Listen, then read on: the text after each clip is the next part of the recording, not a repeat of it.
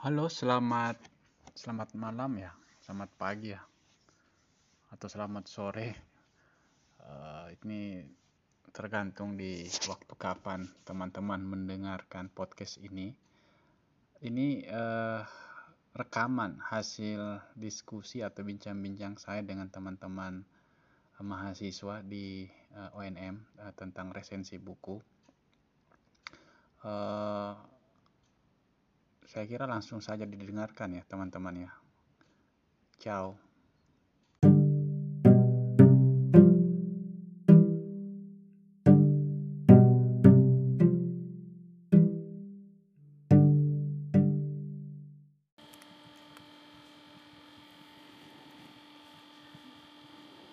Oke, okay, uh, eh, saya kira tidak ada cara lain ya untuk menulis resensi buku sebelum kita membaca tuntas bukunya. Uh, tidak ada cara lain, tidak ada jalan shortcut terkait itu ya. Uh, itu berarti uh, apa bahwa agar kita bisa mengetahui dengan baik uh, sekaligus memahami secara mendalam keseluruhan isi buku itu ya. Uh, kalau anda hanya membaca uh, uh, apa ya uh, sebagian dan pada uh, pada keadaan selanjutnya anda melanjutkan itu untuk menulis resensi buku uh, itu itu itu nanti uh, akan sangat fatal ya. Uh, karena apa? Karena uh, tidak tidak akan lengkap ya uraian anda terkait dengan uh, resensi buku uh, yang dimaksud itu. Uh, mengapa? Karena uh, Anda mesti tahu dengan uh, baik bahwa tujuan meresensi buku itu adalah salah satunya memberikan justifikasi terhadap buku yang kita ulas. Justifikasi apa ya kita harus uh, menilai ya secara uh, apa secara sepihak ya di satu sisi kita kita kita memiliki uh, tanda petik ya semacam uh, penilaian untuk menjatuhkan uh, uh, apa uh, uh, apakah buku ini berharga atau tidak? Apakah buku ini uh, uh, mesti untuk uh, kita uh, kritik atau tidak? Uh, apakah buku ini mesti ada uh, misalnya tema-tema uh, uh, yang seharusnya mereka bahas misalnya? Atau misalnya Eh, buku ini ternyata adalah hasil dari plagiat sehingga tidak layak untuk beredar di di di, di apa namanya di, di di pasaran kan.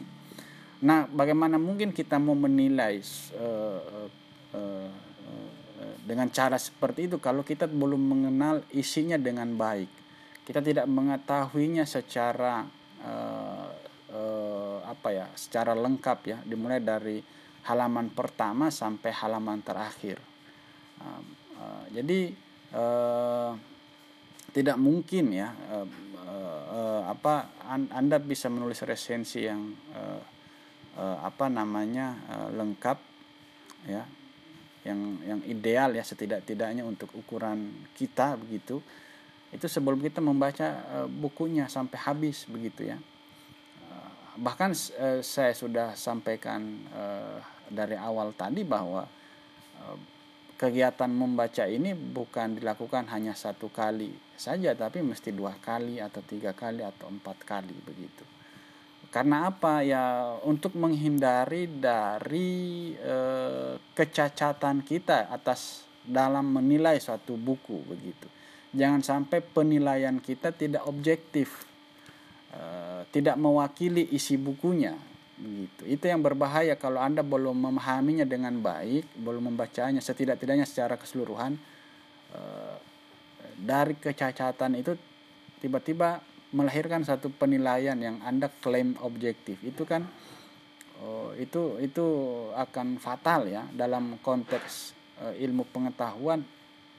Itu disebut oh, fallacy kesalahan berpikir ya Bagaimana mungkin Anda menjustifikasi, memberikan penilaian atas sesuatu yang Anda tidak ketahui begitu.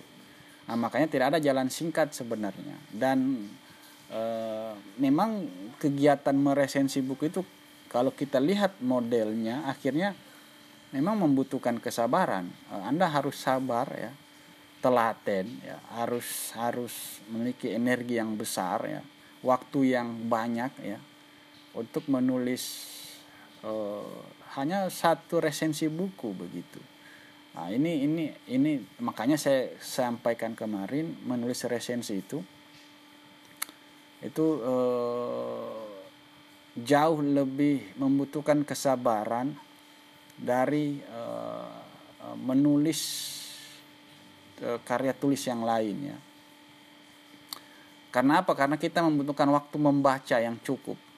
Belum lagi kita belum masuk ke saat menulisnya ya tapi waktu membacanya dulu ini sudah membutuhkan uh, kita butuh waktu yang banyak untuk itu ya. Apalagi kalau misalnya buku-buku yang akan akan kita ulas itu buku-buku yang tebalnya itu uh, sampai 500 halaman atau bahkan sampai 1000 halaman misalnya.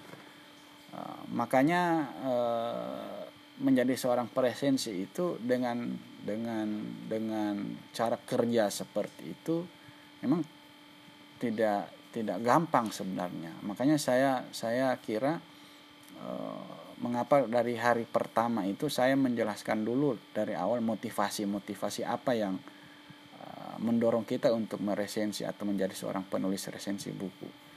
Karena kalau anda berhadapan dengan kondisi dari kenyataan yang sebenarnya bagaimana cara seorang mengerjakan resensi jangan sampai anda akan kaget oh ternyata begini ya bahwa berat juga ternyata sementara persiapan Anda tidak dan tidak didukung oleh motivasi yang besar. Nah, mungkin akan lain ceritanya kalau yang dimaksud kita mengulas satu bab khusus saja misalnya. Itu boleh kalau itu. Uh, jadi uh, kita mau membahas eh, bab-bab uh, penting dalam sekian bab itu mungkin saja bisa seperti itu. Tetapi bukan berarti karena itu kita tidak membaca keseluruhan buku itu karena uh, uh, ini akan uh, akan uh, akan uh, apa uh, uh, karena berpengaruh juga dengan saat kita menulis isi yang sudah kita baca ya karena setiap buku itu kan punya sistematika tertentu makanya kalau anda membahas satu buku dari bab tertentunya itu tidak mungkin anda tidak akan membaca bab yang lain karena dia saling terkait dan saling terikat. Sehingga mau tidak mau pasti akan akan ada akan ada Anda akan membahas bab yang lainnya lagi kira-kira begitu. Akan Anda Anda um, perlu membaca bab-bab yang terhubung dengan itu. Tapi bisa Anda lakukan itu kalau memang hanya mau membahas beberapa part ya dengan catatan nanti di akhir atau di, di, di saat Anda menulis esai Anda mengingatkan ini hanya mengulas sebagian isi buku belum keseluruhan ya. Ini hanya menilik beberapa dimensi saja. Mungkin dengan begitu untuk menghindari klaim objektivitas yang uh, apa bukan klaim objektivitas sebenarnya sih tapi kira-kira sejenis itulah bahwa kita menilai suatu buku tidak dalam konteks keseluruhannya kira-kira begitu uh, meskipun itu jarang ya kalau kita melihat uh, banyak buku-buku yang diresensi oleh penulis resensi itu hampir semuanya ya harus dibaca semuanya begitu. Nah kira-kira begitu uh, siapa yang bertanya ini ya Ira ya kira-kira begitu.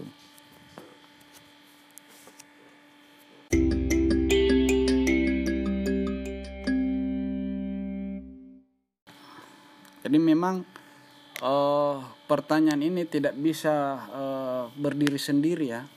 Mengapa? Karena ini ada hubungannya dengan tradisi eh, apa ya tradisi eh, khusus ya tradisi kritik sastra eh, eh, kalau kalau kalau bisa kita katakan demikian bahwa eh, resensi itu eh, bagian dari tradisi kritik sastra. Eh, dan eh, kita memang belum mencukupi ya memiliki uh, satu tradisi kritik sastra ya. Sehingga uh, banyak melahir sehingga bisa banyak melahirkan uh, para kritikus-kritikus sastra. Uh, dan itu lebih akrab di tradisi kesus kesusastraan uh, bagaimana kita mengulas uh, satu resensi ya uh, terutama terkait hasil karya sastra ya. Uh, tetapi tidak akrab di uh, lingkungan yang lain. Memang ini ada hubungannya dengan itu ya kalau menurut saya. Uh, uh, kita uh, seandainya kita adalah uh, apa mahasiswa yang uh, mengambil disiplin ilmu uh, ilmu sastra mungkin ya mungkin kita sering kali mendengar itu ya. Bahwa kegiatan-kegiatan mengulas satu karya sastra itu yang kita sebut resensi itu ya. Meskipun resensi itu bisa mengulas apa saja ya buku apa saja tema apa saja sementara kritik sastra itu satu jenis resensi yang hanya mengulas karya-karya sastra. Dalam rangka menilai uh, apa ya aspek-aspek uh, uh, sastra dalam satu karya sastra apakah buku itu memang suatu karya sastra yang layak baca atau tidak ya? Atau hanya sekedar uh, apa ya sastra rendahan ya kalau boleh kita sebut seperti itu. Uh, memang itu tidak tidak banyak peminatnya memang. Uh, karena kalau kita meng, me, melihat uh, apa namanya cara kerjanya saja memang sudah agak agak berat ya uh, uh, tanpa tanpa merendahkan kegiatan menulis yang lain eh, menulis resensi itu ya lumayan ya lumayan membutuhkan effort yang besar ya usaha yang besar. Tapi saya kira semua eh, jenis eh, pekerjaan menulis itu membutuhkan banyak usaha ya butuh banyak perhatian butuh banyak energi waktu yang cukup untuk itu dan itu terkait juga dengan motivasi kita. Dan kompetisi-kompetisi yang jarang uh, untuk itu itu karena memang uh, pertama karena kita belum memiliki uh, satu tradisi menulis yang baik ya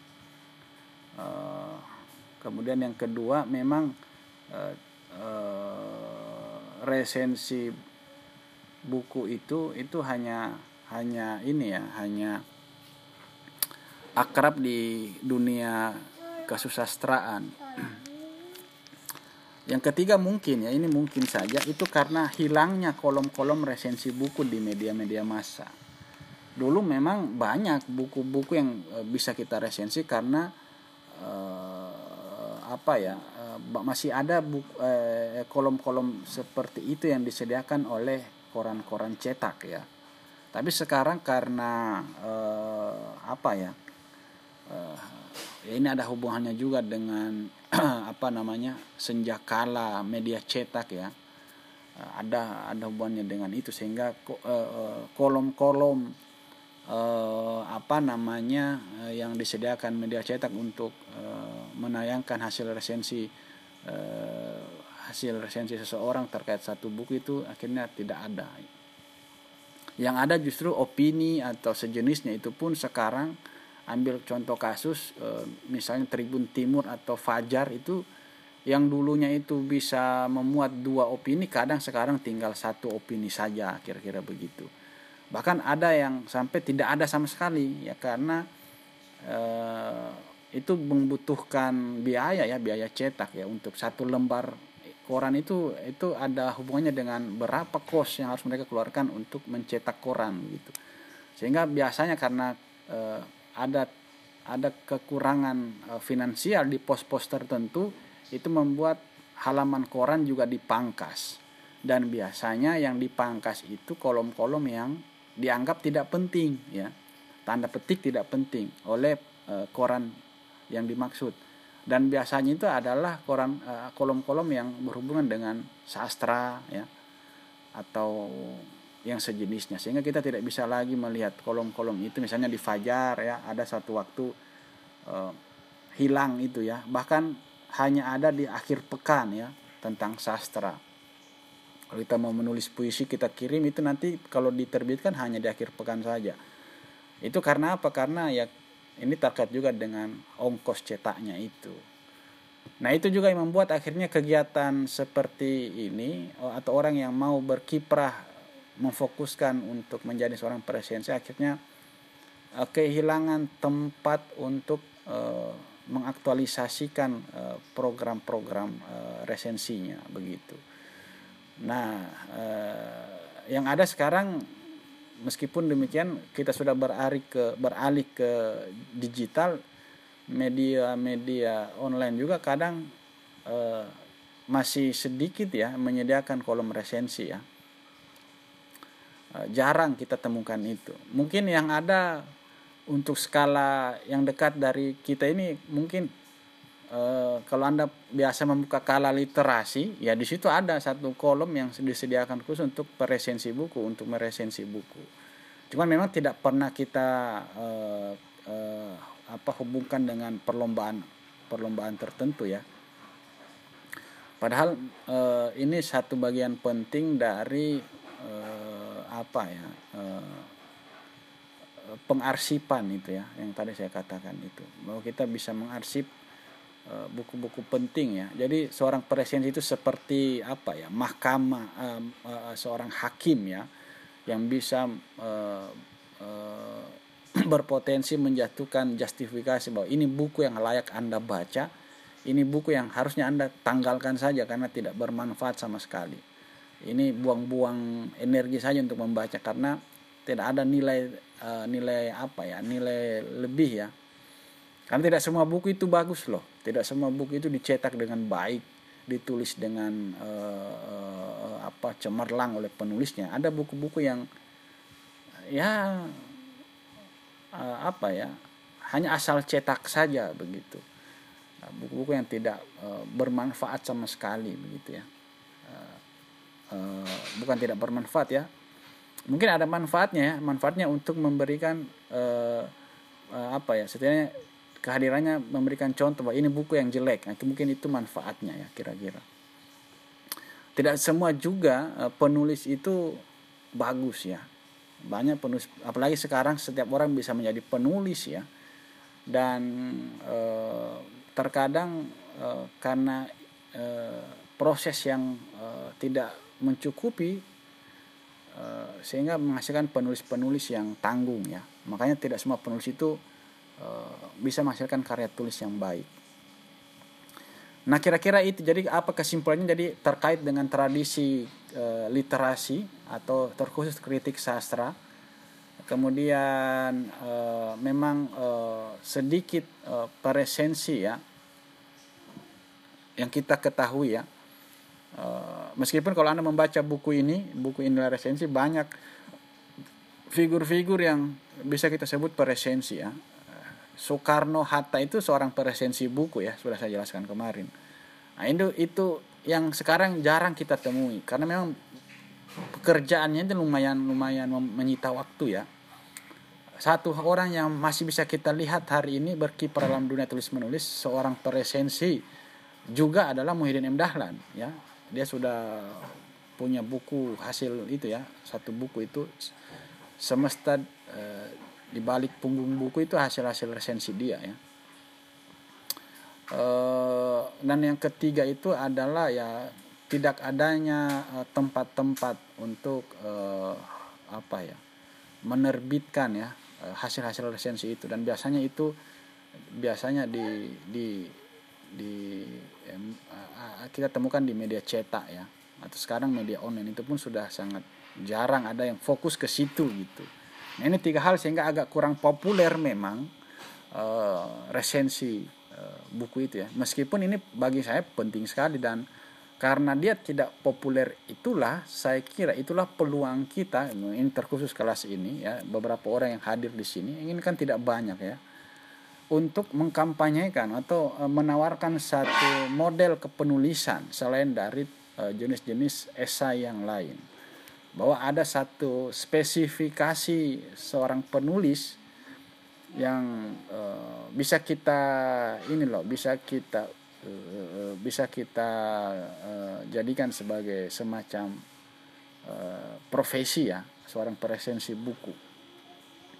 Nah, itu bisa kita kampanyekan. Masih ada satu slot ya yang jarang orang lirik dan itu peluangnya besar sekali bagi anda untuk menjadi seseorang di situ karena belum ada katakanlah persaingan sebagaimana di dunia esai yang sebenarnya itu ya. Kalau penulis esai yang sebenarnya itu banyak ya. Tapi kalau resensi itu masih agak jarang dan itu peluang bagi anda untuk bisa menjadi seseorang di dalam uh, slot itu ya dalam satu spek khusus itu. Nah kira-kira begitu ya uh, uh, kurang lebih yang bisa saya tanggapi dari jawaban teman pertanyaan teman kita tadi itu. Begitu ya moderator.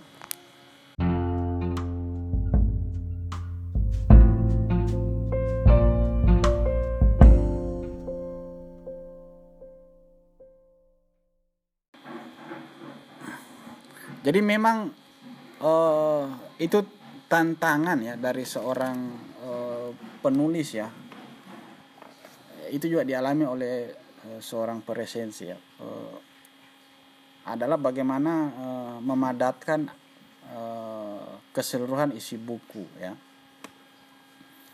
Karena tidak semua uh, harus kita ungkapkan uh, tidak semua isi buku itu harus kita ulas ya. Uh, itu nanti bukan lagi menjadi kegiatan resensi buku ya. Tetapi bisa menghasilkan uh, buku baru ya. Dengan kata lain itu sudah menjadi bagian dari satu kegiatan yang lain lagi yang kita sebut mensarah ya kalau dalam e, tradisi e, keilmuan Islam itu kegiatan mensarah e, apa sih sudah bahasa Indonesia-nya itu ya. jadi ada satu buku kita mensarah ya Me, apa sih e, mengulas ya e, akhirnya menjadi semacam buku yang menjelaskan uh, buku sebelumnya begitu.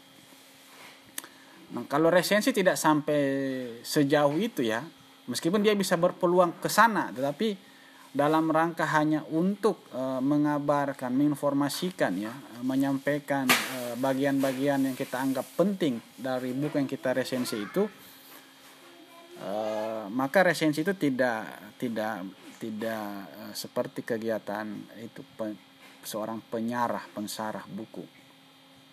Nah, bagaimana cara mentaktisinya? Makanya kita mesti tahu dulu apa unsur-unsur penting yang harus kita persiapkan ya dalam uh, uh, menyiapkan satu resensi ya. Saya dari tadi membuka-buka buku ini, uh, inilah resensi. Hal-hal apa yang harus ada di di dalam resensi, gitu kan? Ini yang juga membedakan dengan bentuk tulisan yang lain ya. Kalau esai kan tidak ada uh, apa ya, misalnya kolofon ya. Apa itu kolofon? Informasi singkat tentang atau identitas buku, misalnya nama pengarang, penerjemahnya siapa, jumlah halaman apa, tahun terbitnya, ISBN-nya dan seterusnya. Terus itu kolofon kalau tidak salah ya. Nah itu satu ciri khas itu ya. Uh, dari presensi dari dari resensi buku ya yang tidak kita temui di bentuk-bentuk tulisan yang lain. Nah, apa unsur-unsur yang harus ada uh, yang yang yang ini ya yang uh, yang membuat resensi itu disebut resensi? E, pertama itu saya saya lagi ini nih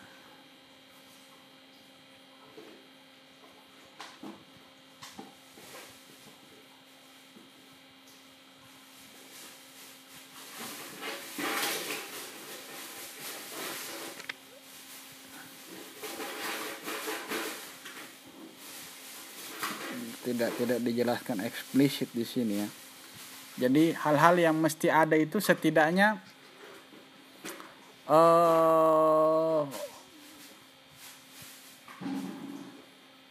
informasi terkait bagian-bagian penting dari satu buku ya uh, makanya itu tadi ini ini mesti anda pastikan dari awal apa yang anda jadikan sebagai sudut pandang uh, itu yang nanti akan menentukan uh, sejauh apa uh, tulisan Anda dikerjakan. Misalnya tadi contoh Dunia Sopi sebagai suatu novel itu kan sebenarnya novel sejarah filsafat ya. Uh, itu berapa halaman situ dunia Shopee ada 500 lebih ya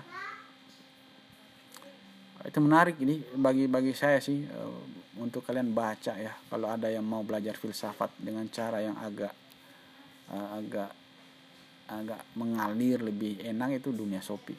Nah itu kan tebal. Nah bagaimana cara me meringkasnya? Cara meringkasnya adalah Anda menentukan dari awal apa sudut pandang yang saya ingin ambil atas buku itu.